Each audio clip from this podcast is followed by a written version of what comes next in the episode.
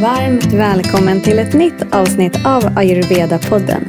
Syftet med den här podden är att låta ayurveda gå från något abstrakt och avlägset till något mer konkret och lättillgängligt. I podden hör ni mig, Johanna Mård, och tillsammans med mina gäster undersöker vi hur den här kunskapen kan göra en skillnad för oss alla och vår hälsa. Och måste man äta indisk mat för att äta ayurvediskt? Eller kan vi äta ayurvediskt med nordiska råvaror? Och vad är det som händer enligt ayurveda när vi äter efter den lokala säsongen där vi bor? Det är några av de frågor som jag och Leon, Eimen, Hanna svarar på i det här avsnittet.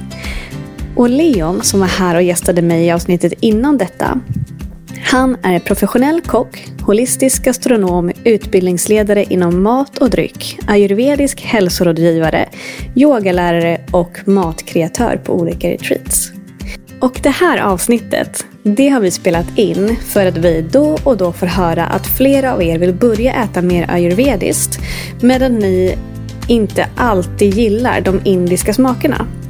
Så i det här avsnittet pratar jag och Leon mer om hur vi kan äta ayurvediskt med influenser från andra delar av världen och framför allt från vår del av världen. Du kommer alltså få insikter i hur du kan använda de ayurvediska principerna och tillaga måltider som kan ge balans till dina doshor med nordiska råvaror. Leon kommer också berätta hur naturen och våra svenska livsmedel faktiskt samspelar med oss människor här i Norden. Det betyder alltså att när du äter råvaror efter den aktuella säsongen kommer de råvarorna att bidra till att hålla dina doshor i balans. Vilket är så spännande. Och vår förhoppning är att du ska få en större förståelse för just de ayurvediska principerna och bli lite nykär i våra nordiska råvaror som faktiskt enligt ayurveda är mer kompatibla för oss som bor här i Norden. Nu till ett väldigt intressant och givande avsnitt. Have catch yourself eating the same flavorless dinner three days in a row? Dreaming of something better? Well, HelloFresh is your guilt-free dream come true, baby. It's me, Gigi Palmer.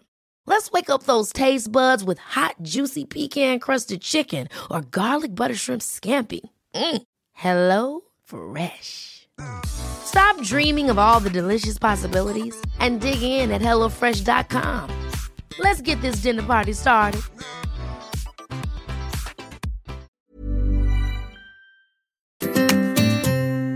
Hej Leon! Hej Johanna. Varmt välkommen tillbaka. Tack. Det känns jättefint att ha dig här igen. Mm, samma. Och vi ska fortsätta hålla oss till liksom, matämnet som vi hade vårt senaste avsnitt om också. Ja. Eftersom vi båda verkligen brinner för det. Mm.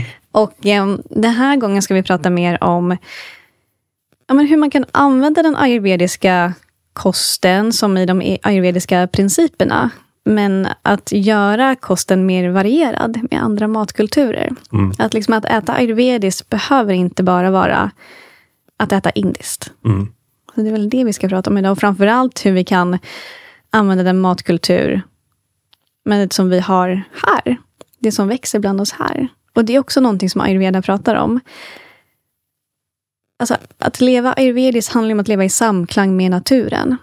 Och det är därför, alltså, det är ju värdefullt för oss att ta del av de råvaror som växer här i Norden. Mm. För de är ju på ett sätt, enligt ayurveda, lite mer kompatibla med, med oss. Visst är det så? Ja. Eller hur? Yes.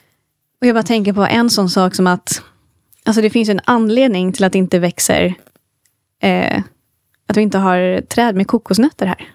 Mm. För att vi behöver inte det egentligen. Vi, för vi har det inte så varmt att vi är i behov av mängder av kokosnötter. Medan det i Indien, till exempel, och många andra delar av världen, där växer kokosnötter. Och för där behöver människan mm. det på ett annat sätt. Det är liksom, ja, bara som ett exempel. Ja.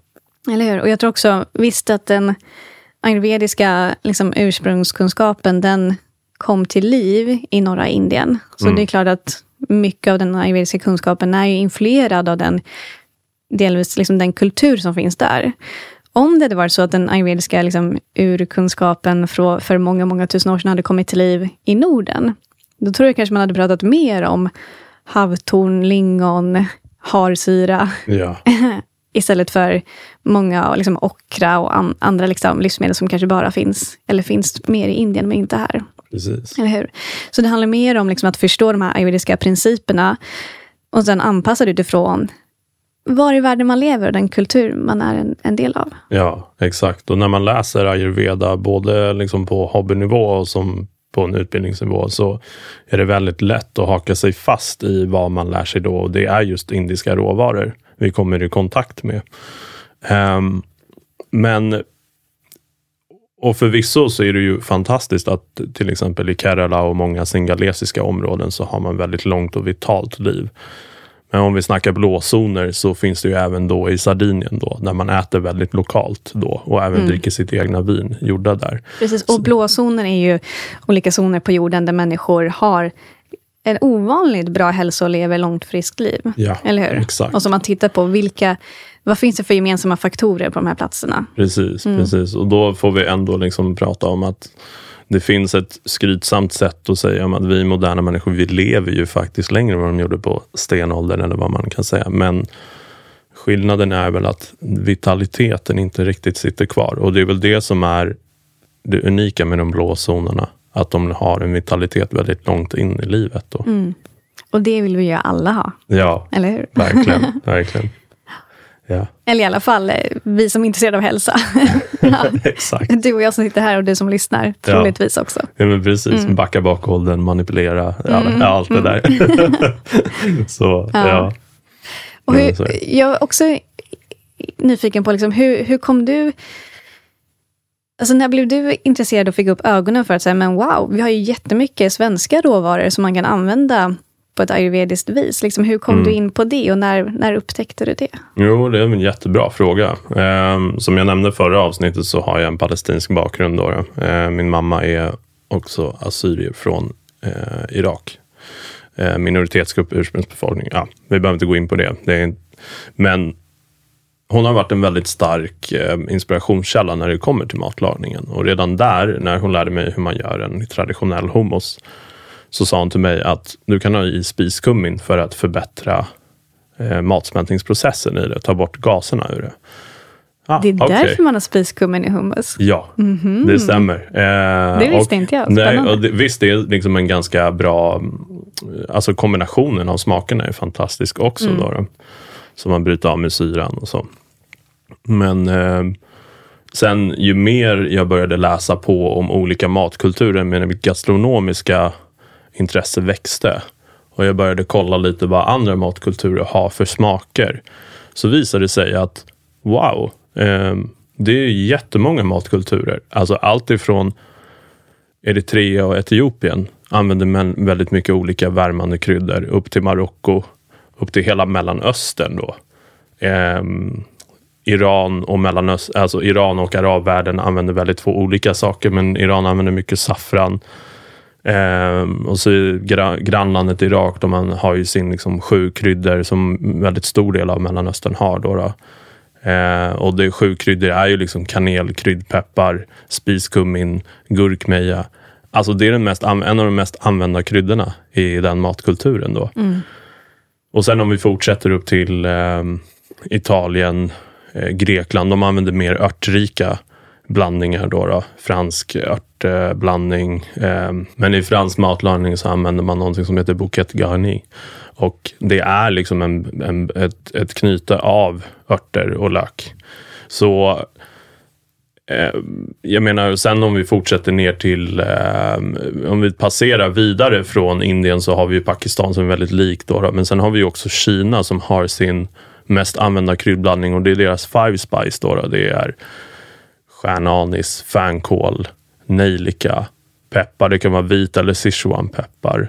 Och sen är det också kanel, nämnde jag den? Nej, jag kommer inte ihåg. Jag, jag vet inte. Okay. många, många bra kryddor alla fall. Ja, ja, men precis. Du alltså, får gärna exakt. sagt. Ja. Och, men det, det jag hör är att många av de här kryddorna, alltså många av de här kryddorna som jag har lärt mig utifrån ayurveda, är sådana som främjar din agni. Ja. Liksom främjar agni, skapar balans i mage-tarm. Eh, och jag har ju lärt mig en hel del kryddor från ayurveda som liksom, gurkmeja är bra för din lyster av hyn till exempel. Ja. Och bra för liksom, dina datus. Så det finns ju så mycket mer än bara det är bra för magen också. Precis. Men kryddor kan vi verkligen använda som medicin. Ja. Och Det jag också hör eller väljer att tolka in är att de här, att de här specifika kryddblandningarna liksom är en del av kulturen. Mm. Det tror jag också är någonting som har legat kvar sedan säkert flera tusen år. Ja. Och att det grundar sig i en djupare liksom vetenskap Mm. om att det är bra för vår hälsa. Inte Ja. bara det är gott, utan att det finns någonting mer därtill också. Ja men verkligen. Och jag menar Kina till exempel, om vi tar Kina så har de ju också sin egna typ av livsstil och medicinska sitt medicinska sätt att leva på och tai chi är obligatoriskt och liknande.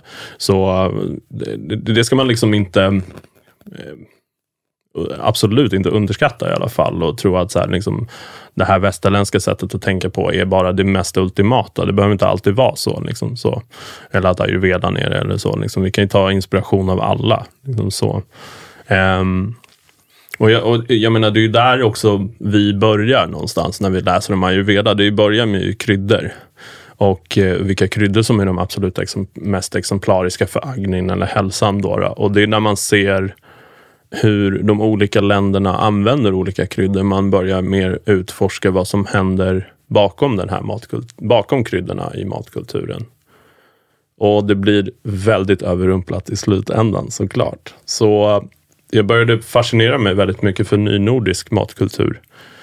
Och nynordisk matkultur handlar ju väldigt mycket om att jag menar ända sedan vi började, sedan 60-talet, liksom Tore Wretman och alla de började, det var ju de som lite satte eh, jag men Kajsa Warg, det var de som lite satte den här liksom, vägen för vad svensk matkultur är idag.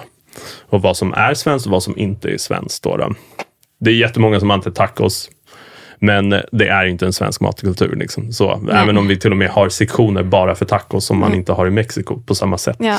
Eh, så, ehm, men med det jag vill säga är att så här, det man förlorade på vägen där var att ta vara på väldigt nordiska råvaror. Då då, eh, som växer ute i vår natur. Vi visste inte längre hur det blev liksom väldigt franskinspirerat. Som, alltså det blev grundsåserna som en brunsås, köttbullar, potatis, ehm, Um, Skagenröran, den kom på 60-talet. Liksom det, Tore Wretman kom på den då. Um, men jag menar så, här, så vi har tappat det och nynordiska handlar mer om att faktiskt göra det mer, alltså respektera råvarorna efter säsong. Göra det mer hälsosamt och lyfta också råvarorna som de är. Och det är ett fantastiskt tänk för just prana i ayurveda. Då. Visst.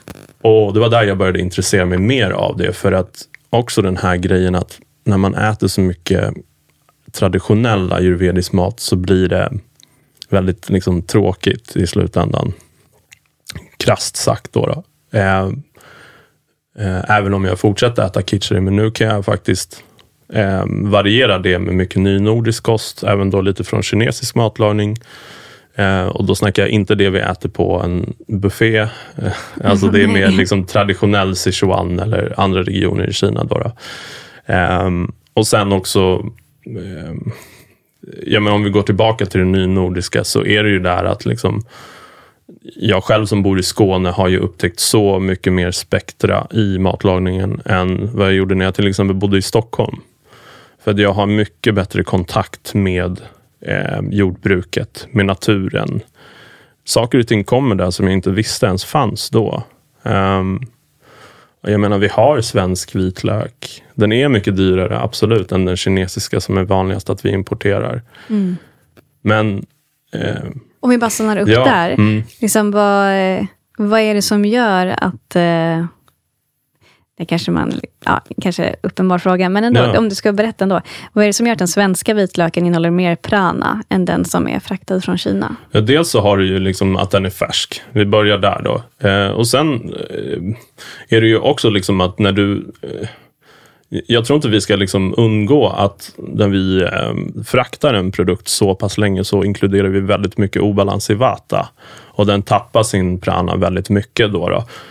Varje gång man är utomlands så upplever man att det är mycket bättre liksom, när man är närmare tomater. Vi säger om man är i Italien eller Spanien, man är närmare tomaterna, apelsinerna och det smakar så mycket bättre. Liksom. Mm. Jag har till och med varit med om, nu är det bara en erfarenhet utifrån mig då, då men när man liksom tar med sig livsmedel i, väskan och tar hem det så blir det inte alls till och med samma Inte sak där. Nej, exakt. Vad roligt. Jag har inte tänkt på det, men precis. Nej. Vitlöken får vata och balans när man transporterar den. Exakt. Och detsamma gäller med typ det mesta av det vi köper i matbutiker. Det är ju transporterat länge, långt. Ja, Så det är en grej. Och sen som du säger också att ehm, mat som transporterats länge, det har ju inte fått liksom den har inte fått solmogna, den har inte fått den här sista näringen från, liksom, från jorden som den varit connectad med, eller solen. exakt. Den har liksom plockats, tagits bort från grenen eller busken Ja. långt innan den blev mogen och fått Ja. typ mogna i en container. ja. Så det är inte heller lika, alls lika näringstät Nej. och lite vattenbalans. Ja men verkligen. Och, så här, och det är det och vi... saknar prana på det också. Då. Ja, Mm. exakt. Och det är det vi säger egentligen när vi äter i ayurvedan, att vi äter koncentrerad solenergi. Mm. Och det är liksom, som du säger, när vi rycker den ifrån att den får växa, så blir det ju så. Och det är ganska mycket med mat idag, till exempel när du ehm, eh, det, när du köper kyckling i en butik idag så har den slaktats efter 36 dagar då. Vi säger om du köper från de vanliga storproducenterna då, den här som kanske inte är så särskilt trevligt tycker jag själv. Men om du köper en riktig landfågel så får den växa till sig i 92 dagar. Så den som, har, den som är från fabriken är liksom genmodifierad på ett sätt så att den ska växa så pass hårt som möjligt. Och det är, det är ganska mycket, eller vi säger så här, genmodifierad, det kan låta så hemskt, men de har ju liksom blandat olika raser och så har de kallat den eh, en viss typ. Eh, Mm. då då. Ehm, och så medans... Men det är, liksom- inte lika det är inte lika naturligt helt Nej, enkelt. precis. Mm. Det är inte som... Och eh, ja, Ayurveda säger att vi ska komma nära naturen. Och Ja, liksom leva på ett naturligt sätt i ett med naturen. ja, Äta så naturliga råvaror som möjligt. precis. Mm. Och det var därför jag tänkte att vi kunde gå in på eh, hur... Jag menar, så här, bara vi lyssnar på naturen och vad den ger oss bäst under en viss period. Ayurveda pratar ju väldigt mycket om de olika säsongerna då för, vat, för eh, Vata Pitta Kapha då. Och naturen i sig svarar med kost som faktiskt balanserar dig just då, där och då. Absolut, har du obalans av Vata under en kaffaperiod, fine, du kan skippa det så. Men det jag menar på att när jag dykt ner mer i det här så har jag upptäckt att nu snackar vi bara utifrån ett nordiskt läge. Att under, under en kaffaperiod så responserar naturen med kaffabalanserande kost. Mm, det är så spännande. Verkligen. Mm. Ja. Och det är så fint att liksom allt går i ett på ett sätt. Ja. Och när jag tänker så här, visst vi ska inte äta allt som växer och finns runt omkring oss. Mm. det finns giftiga svampar och så vidare. Absolut. Men det finns så mycket i naturen som liksom är 100% kompatibla liksom, med vår kropp. Och Mm. som du säger, att under en kaffasäsong så plötsligt dyker det upp livsmedel som är kaffebalanserande. Ja, Ja. exakt. Berätta mer om det. Vad är det för några? Ja, Ja. Ehm, men precis. För det är, när vi tar till exempel kaffaperioden som är mellan februari till maj. Då börjar ju liksom snön luckra upp sig. Det börjar bli fuktigare i luften. Det är jättelättande för väldigt många. I synnerhet i Sverige där vi är ett väldigt vata-dominerande land så är det grymt. Jag själv som är dominerad av kaffe kan tycka det är lite jobbigt faktiskt om jag ska vara ärlig. Eh, det är mycket tyngd, det är allergier, det är, jag får känningar med astma, jag går upp i vikt och liknande. Så det är väldigt viktigt för mig att balansera. Och ni som relaterar till det kan ju se där. Och in, alltså förutom liksom daglig motion och eh, pranayam och eh, vi säger kryddor så kan ni inkludera vissa eh, livsmedel som faktiskt växer då. Och den första jag tänker på är sparris. Jag tänkte också på sparris. Ja, det är grymt. Ja. Både vit och grön är Mm. kaffebalanserande. Fantastisk gröda och går att göra så mycket med. Och det är det som kommer då först under våren. Precis. Mm. Och sparrisen är som godast på våren. Ja, verkligen. verkligen. Och då, och då, precis, och då ska man ju leta efter svensk, alltså svenskodlad, här odlad Ja, sparris. Mm. det, det skulle jag nog säga också. Eh, Sverige, vi måste, jag måste ändå lägga till Sverige också. Även till och med konventionell mat, alltså icke-ekologisk, är väldigt strikt när det kommer till besprutningar och liknande. Så, Men det har jag också hört Mm. faktiskt. Så. Så om du får välja mellan ekologisk från Spanien eller inte ekologisk men odlad i Sverige, Mm. vad väljer du då? Jag hell- väljer faktiskt hellre den svenska. Mm. Så är det. Ehm, Den kanske inte har lika mycket väteobalans heller. Nej, Den har inte det är det jag tänker. Mm. Exakt, och det är den här det är pranan. Liksom. Vissa jordbruk får inte ens kalla det ekologiskt. Även fast de odlar ekologiskt så har de inte reggat det ekologiskt för att det kan bli en attack av eh, ogräs eller insekter. Och då måste man hämma det med besprutning. Bara den lilla delen gör att du inte får kalla det ekologiskt. Då. Just det, fast de majoriteten av alla dagar odlar ekologiskt. Stämmer. Egentligen. Precis. Hänger med. Mm. Och det leder vi fortfarande till, eller fortsättningsvis till rabarber. Som är i synnerhet kaffabalanserande, men balanserar de andra två doscherna också. Ehm, så har vi vårlök, jordärtskocka, rädisor, sallader i olika former. Vårkornen kommer då. De skördas. Vad heter det? Vår... Eh, korn, vanliga Okej. korn. Men då är det vårkorn. Man, i, I lantbrukssnack så snackar man eh, höstvete, vårvete, Ah, okej. havre. Ja, men du vet allt det där. Och vårkornen kommer då. Sen kommer också en viss honung. För det är mycket som blommar då. Och då har vi honungen som också är kaffabalanserad. Tomaten börjar komma. Och ute i det vilda så har vi faktiskt ramslök, nässlor. Nässlor balanserar alla doscher också. Och så har vi granskotten då, bitter i smaken. Ehm, fram mot juni där kaffa och pitta möts så, eh, så blir det liksom blandningen mellan både svalt och varmt. Då, då. Och då får vi saker som både balanserar, båda, alltså balanserar båda. Det är potatis, fänkål, maskros och jordgubbar. Jordgubbar balanserar också alla. Det är faktiskt väldigt fint. Mm. Om vi bara hänger kvar lite vid våren. Ja, Um, utifrån det du sa nu, behöver Mm. vi liksom inte nämna eller ha med alla de livsmedel, men så här, något typiskt du kan laga på våren av så här svenska råvaror som är lite kaffabalanserade. Vad skulle Ja. det vara? Ehm, när det kommer till nynordisk matlagning så, så kan det väl bli väldigt mycket så att jag eh, liksom tar fram varan. Alltså jag, jag lyfter råvaran i sig. Och det är det här som är fint, för i förra avsnittet så snackade vi om att man inte ska blanda för mycket olika energier. Och då älskar jag faktiskt att bara eh, servera typ vit sparris som jag har eh, kokt, eh, eller sjudit då. då ehm, med, med vatten och citronjuice för att balansera den där bittra smaken.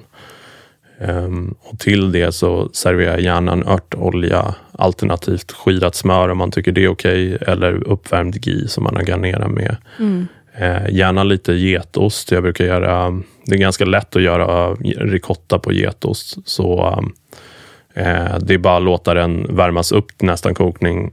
Eh, dra ner en, en citron ja, och på en liter getmjölk då, och sen silar så får du en getostricotta. Och det är också väldigt mycket mer, alltså det är naturligt laktosfritt. Och det, så det är lite sådana saker jag gör då för att få en naturlig, det blir en förrätt såklart. Liksom. Mm. Det Men låter an- jättegott. Ja, det är verkligen, eh, ja det är så gott. Eh, verkligen. Så, men annars är det liksom eh, dal. Eh, det är väldigt bra för kaffa då. då. Eh, eh, Vad har du för huvudingredienser i, i dal? Då? brukar det, det går bra med röda linser. Gula ärtor eller linser går också bra. Um, gula ärtor, eller mm, vad heter det? Sötärtan så växer i Sverige. Gröna och gula ärtor är samma sak. Det är bara att gröna är den mindre mogna varianten. Då, då. Så, uh, så det går också väldigt bra och att äta då. Ehm, och så om man inte har en väldigt känslig mage. Har man en väldigt känslig mage vill jag bara säga, eh, man är till exempel mycket vata eller IBS, så kan man inkorporera lite bikarbonat i kokningen. För det kommer göra så att stär stärkelsekornerna släpper iväg till slut. Och eh, allt går och, och blir den lite mer liksom långkokt sörja. Det låter inte supergott, men den är väldigt mycket mer lättsmält. Liksom, så. Just det. Eh, det gör jag varje gång jag till exempel kokar hummus. Då. Mm. Så är det, och inget salt liksom. Eh, förrän i slutet då. Så, eh, så det är väl sådana grejer jag brukar själv äta då. Men, eh, och eh, det blir en del motion. Liksom. Mm. Så ja, Ja. eh, gurkmeja också viktigt. För det respiratoriska systemet. Eh, bockhornsklöver också väldigt bra. Så. Eh, och just det, och sen har du också eh, örterna. Eh, kommer också då såklart. Eller de finns året runt i Sverige i alla fall. Eftersom vi har tekniken idag till att odla saker året runt så är örter och groddar eh, och där vill jag också nämna att groddar är eh, ett av de absolut bästa livsmedlen, för de passar de som inte har så stark matsmältning, IBS. Balansera alla doscher. Och sen ehm, när det kommer till um, vi säger, det finns eh, i alla baljväxter och fullkornsprodukter det finns någonting som heter fytinsyra. Och det hämmar eh, upptaget av järn. Då. Eh, C-vitaminen som, som ökar upptaget av järn. Men för att få bort den där fytinsyran så behöver du äta fermenterat. Då, då. Men för att få i dig mineralerna från typ en baljväxt så är groddningen det bästa. Då, då. Den Mhm. innehåller ingen fytinsyra. Då, då. Så du får i dig järnet och de andra mineralerna via groddarna. Alltså Mm. det, är det, eh, det är ett fantastiskt livsmedel. Bra. Faktiskt. Ja. Mm. Bra att kombinera till, Ja. till mycket. Då, då. ja.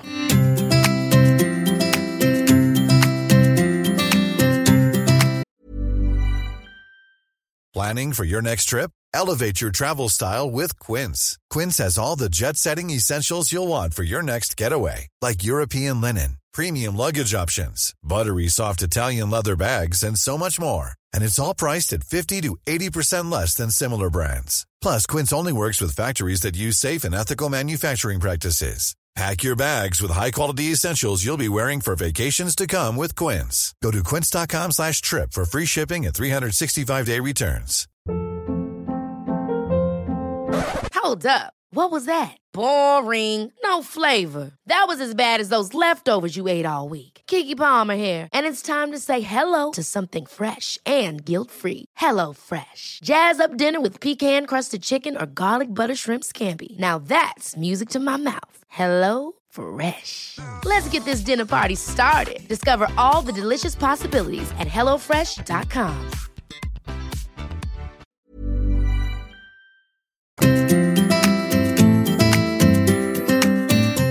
Och sen kommer vi in till den svenska sommaren. då. Mm. Och vad har vi som eh, växer här då, som, eh, som då hjälper oss att eh, ja, men inte bli överhettade helt enkelt? Vad har vi för livsmedel som kan ge oss lite svalka? För det är det som Ja. behövs då, för liksom, ja, lite pitta-balanserande. Ja, men precis. Och, um, det, det är liksom ingen ren slump att vi hellre väljer en sallad för en, en dal, en kryddig linsgryta här på sommaren. För att vi vill ha den här svalkande effekten. Vår matsmältning är lite starkare. Vi har lite mer entusi entusiasm i eh, sinnet och liknande.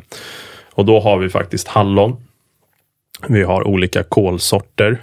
Sen har vi melon i alla dess sorter. Kommer mellan eh, vattenmelonen är som bäst i juli. Sen i augusti kommer sötmelonerna som galia, honung etc.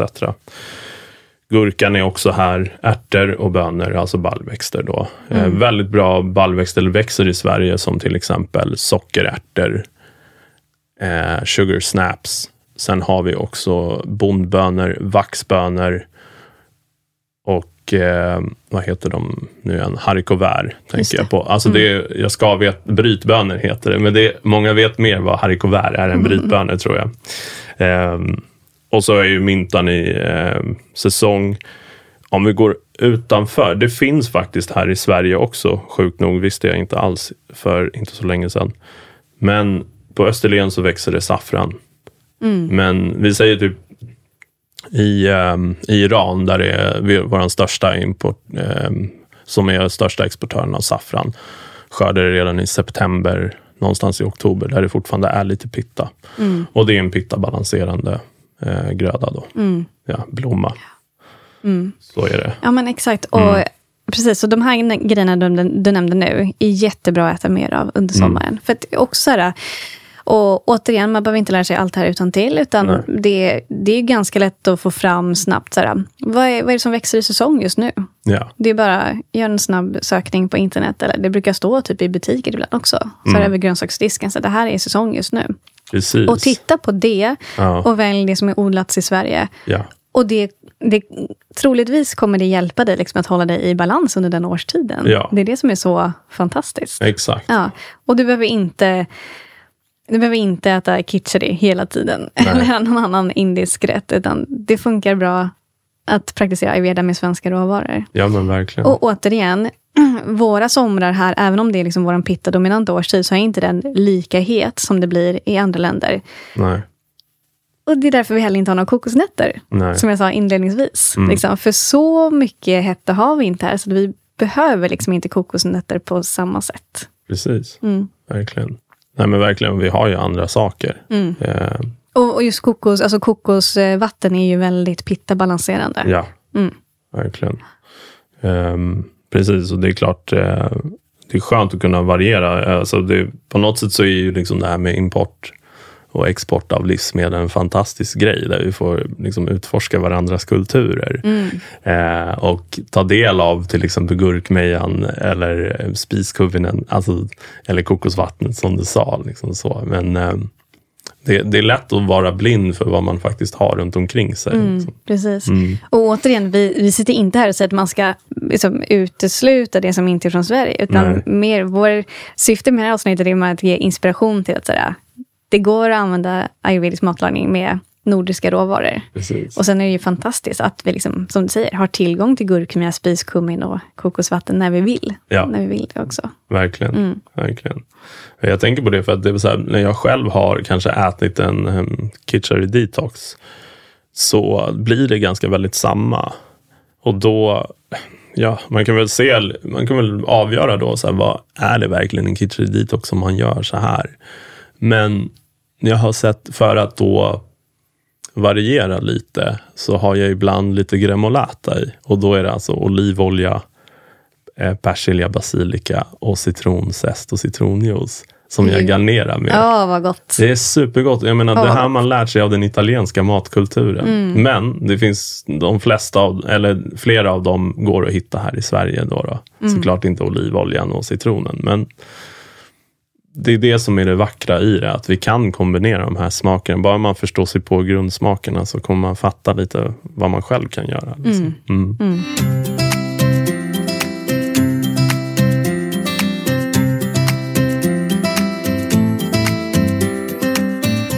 Hösten då? Mm, precis. Då går vi från pitta, börjar röra oss in mot vata. Ja, exakt. Eller säger du, vissa höstdagar kan jag uppleva är lite kaffe också.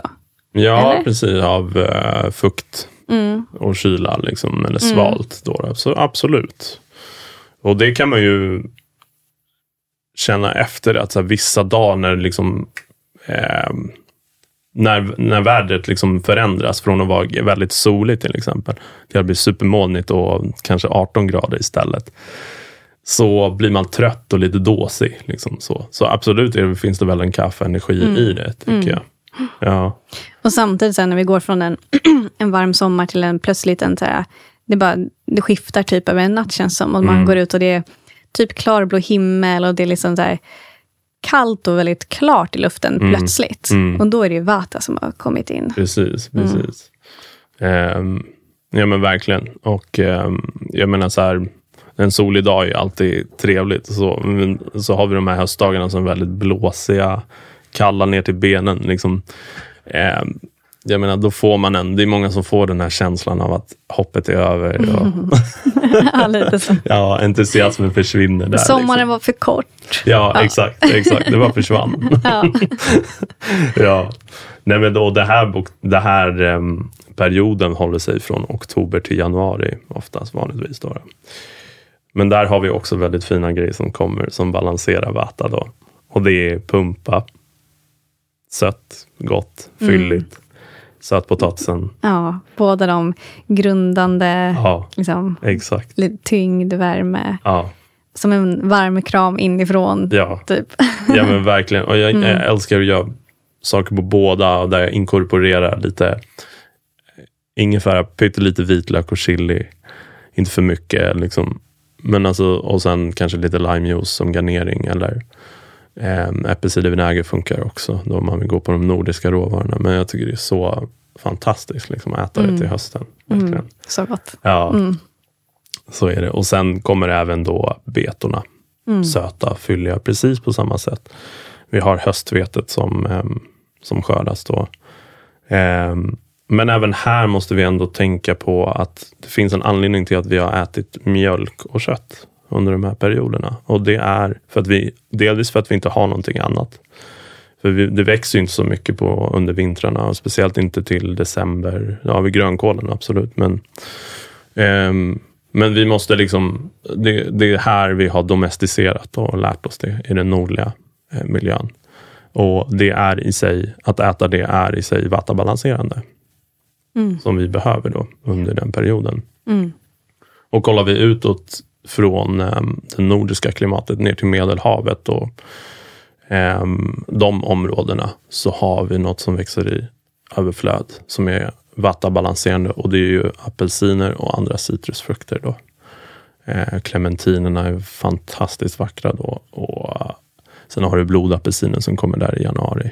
Mm. Eh, och det är sista spurten innan vattaperioden kommer tillbaka. Eller förlåt, kaffaperioden kommer tillbaka. Mm. Då. Exakt, går ja. över till våren igen. Exakt. Mm. Ja. Men jag tycker också det är så logiskt att så här, mm. ja, under vinter, ja, men från som du sa, oktober till januari, liksom, äta ja. mer av mm, rotfrukter. är det jag tänker på framför allt. Liksom. Ja. Och för jag tänker också, hur gjorde man förr i tiden? När man typ inte hade kyl och frys. Men det gick ju att förvara rotfrukter ja. typ hela vinterhalvåret. Exakt. Och som du sa också, kött och mjölk. Ja, mm. och potatisarna. Ja. ja, verkligen. Mm. Det är det som liksom naturligt resonerar bra med vår kropp då, för att vi ska orka hela vintern och för att vi ska mm. hålla oss i någorlunda balans och bibehålla en hälsa. Ja, men så är det. Jag menar så här, om vi tittar på det, jag menar så här, våren, de ger oss, i synnerhet under våren tar jag som exempel, Naturen ger oss saker i överflöd. Till och med saker som vi kan uppleva som ogräs, som maskros, kirskål, nässlor. Alltså det är superbra växter för våra kroppar. Mm. Um, så, alltså så här, vad, berätta, vad gör du med maskros? Nej, men med maskrosbladen så kan man först blanchera dem och göra en sallad med eh, karamelliserade karamelliserad lök och rostade pinjenötter och ha som garnering. Då. Okay. Eh, med olja eh, och salt. Liksom, det är inte så mycket mer. Det är en, väldigt, det är en Mellanöstern-grej att göra. Mm. Sen kan du göra te av roten och bladen också. Då, då. Så det är det som går. Alltså man kan göra allt möjligt. Liksom. Du kan göra en doftspray, alltså you name it. Liksom, mm. så. Mm. Um, så jag, alltså det, det, är också ett jättebra livsmedel. Kirskålen, alltså blanchera. Um, alternativt um, sautera, som jag sa förra. Uh, sautera är steka lätt i GI, Utan att den får en yta. Um, och nässlorna, samma sak. Det är blanchering. Liksom. Blancheringen tar bort mycket av det här bittra. Liksom, så. Och blanchering då, är det snabbkoka? Ja, men precis. Du låter ja. vattnet koka upp och sen brukar jag själv sänka det i en sil i vattnet. Liksom en stålsil. Mm. Då. Mm. Så chockblanchera kan man säga. Mm. Uh, ja, det är väl det. Eh, ramslök ska vi inte ens prata om. Det finns allt möjligt. Det är så fantastiskt gott. Ja, ramslök är så gott. Ja, ja verkligen. ja, men oljor, torka i ugn till pulver som jag använder hela tiden. Liksom. Mm. Prövade nya. Zatar är en um, Mellanöstern-blandning med timjan, sumak, rostade sesamfrön, salt. Så jag blandade ramslök och timjan. Så det blev lite av en fusion. Det blev fantastiskt gott också. Så, mm.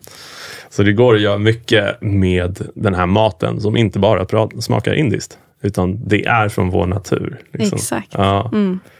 Och, ja, mm. Men visst, det finns så mycket kunskap. Jag tänkte så här, ja. uh, om du skulle förklara för någon eh, som inte har så mycket koll på vad ayurveda är, mm. liksom, och berätta för dem att men, ayurveda, ett sätt att praktisera ayurveda är mm. att använda maten som medicin. Ja. Uh, och det kan du göra med våra svenska råvaror som vi har här, bland annat. Hur skulle du förklara för dem, liksom, hur, hur börjar man? Vad, och vad innebär det? Ja. Oh, jävlar, bra fråga. Um, men jag skulle nog börja, jag skulle sagt att det handlar om att leva i samklang med naturen. Och jag menar, den, den har ju använts för såklart. Men det är en väldigt bra beskrivning när vi redan har pratat om det här. För det handlar ju verkligen om det. Att olika tider är olika för bra saker, olika årstider är olika för bra saker och olika kroppstyper har olika behov. Så jag hade ju börjat där och sen utgått ifrån det. Vad en persons behov är då. då. Mm. Mm. Ja. Så, ja. Det är som att ayurveda ger svar på, på så mycket. ja, Mm. jag håller med. Ja, men det finns verkligen värde i... För jag får frågan ganska ofta, så här, jag vill verkligen börja äta mer ayurvediskt, men Mm. jag gillar inte indisk mat. Nej, Så, här. Så jag hoppas att det här avsnittet kan liksom, ja, men ge fler liksom, insikt om att här, det behöver inte vara det för att du ska äta ayurvediskt. nej. Det hoppas jag verkligen med och jag tror det är lite det det är det jag har brunnit för när jag började väl utveckla recept. eh, Mm. Och min, eh, alltså med min, eh, mitt varumärke Scandiveda då. För att det handlar ju liksom om att Skan- Skandinavien är väldigt öppet redan för olika matkulturer. Men att vi drar in det vediska i det. Då, då. Mm, exakt. Så, Och så GI har vi inte pratat om, men vi har ju Nej. tillgång till smör, alltså, som en bra råvara här. absolut. Och på det kan du ju lätt göra eget GI. ja, Och GI pratar man ju om hur mycket som helst inom ayurveda. Ja. Det är bra för det mesta. ja, Ja. Så det har vi också möjlighet att göra liksom, egen bra råvara. absolut. Eller egen bra GI av bra råvaror. Och då ska vi inte ens prata om vilken kvalitet svensk mejeri har. Svensk och nors svenska och norska mejerier är fantastiska. Så eh, jag menar, precis, alltså det är verkligen, alltså när jag ser de här burkarna, inget ont om dem. Men jag tror det är så mycket bättre att göra egen. Och det håller ju fantastiskt länge. Både i rumstemp och i kyl. Mm. Så jag har haft GI i liksom ett halvår. Det har inte varit något problem. Det är som att du återpastöriserar smöret igen. Liksom. Så det jag vågar göra. Det är, det, är gans, det är enkelt. Det är inte så mycket aktiv tid. Liksom. Faktiskt. Håller med. Ja. Det är enkelt. Ja. Mm. Mm. Mm. Ja, fint. Mm. Finns det någonting mer du vill lägga till? Ehm, nej, jag eh, tror faktiskt inte det. Ehm, eller jo, det kan jag göra absolut. Det jag vill lägga till är att eh, våga pröva och liksom tänk, eh, våga tänka utanför den mer traditionellt ayurvediska modellen utifrån vad som är hälsosam mat. För ayurveda i sig menar på att det inte alltid behöver vara just de råvaror som kommer från ursprungslandet av ayurveda. Se vad du har runt omkring dig och eh, våga testa, läsa nya recept. Så kommer du få en väldigt mycket bättre varierad kost. Mm. Nej, men även då inom, liksom ehm, i Norden så ehm, kan vi se, om vi kollar verkligen ordentligt, så kan vi se vad vi har då. Och eh, därefter så, jag menar när jag själv började forska så ville jag ändå få reda på vad vi har och vad de balanserar för olika typer av dosha. Och då när jag kom fram till det så, var det, så började jag med vata. Och där har vi persilja, basilika, rapsolja, havre, gräslök, kokt morot, komjölksprodukter, rosmarin, timjan, citronmeliss och korianderfrön växer här. Mm.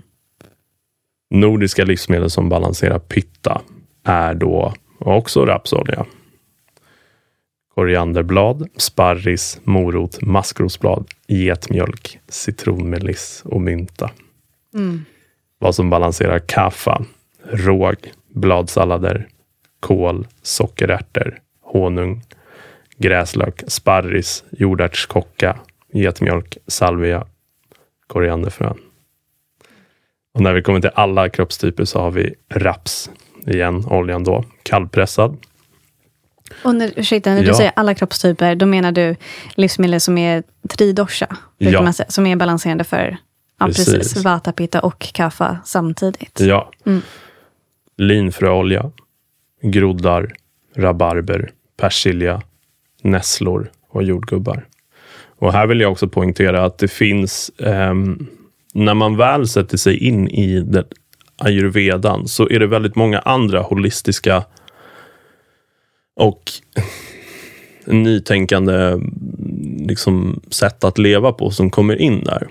Och där kan jag tycka att jag pratar med folk att rapsoljan har fått en väldigt dålig, ett väldigt dåligt rykte. Som jag har ingen aning om vart det kommer ifrån. Eh, och jag vet inte varför. Jag tror det kan handla om att det finns en genmodifierad variant i Kanada som heter canola oil. Alltså kan, CAN står för Canada då. Um, och där har man liksom i USA och liknande så raffinerar man det väldigt kraftigt och liknande. Och så har det funnits någon 80-talsstudie som säger att det är inflammatoriskt. Mm.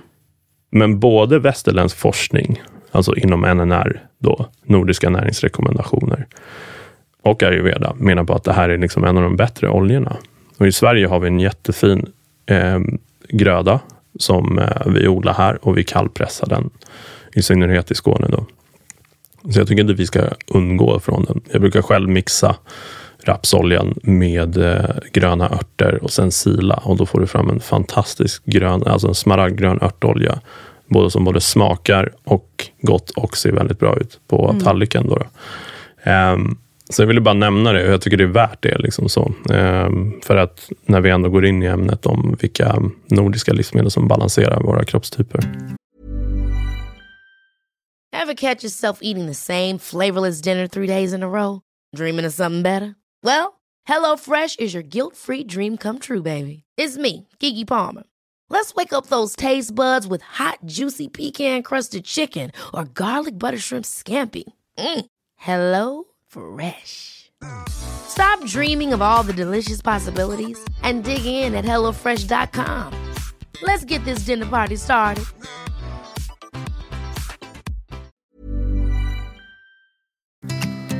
Superbra. Ja. Verkligen. Ja. Ja. Jag ser fram emot att se inlägg du delar det här också. Ja, tack. Via din Instagram-profil. Ja. Som jag tycker om så mycket. Ja, men Ja. tack. Detsamma. Verkligen. Väldigt fina, inspirerande inlägg där också. Mm. Så om man inte följer dig ska man göra det. Ja. Och det är skandi.veda, eller? Nej, det är bara ett ord. Skandiveda. Skandiveda. Yes. Bra. Med C då. Skandi med C, Ja. Veda. Ja, precis. In och följ Leon Ja. där. Verkligen. Ja, toppen. Tack Johanna. Mm, tack snälla. Om du som lyssnar gillar det här avsnittet så dela det gärna med andra som du tror skulle uppskatta det. Så hörs vi snart igen. Ja. Namaste.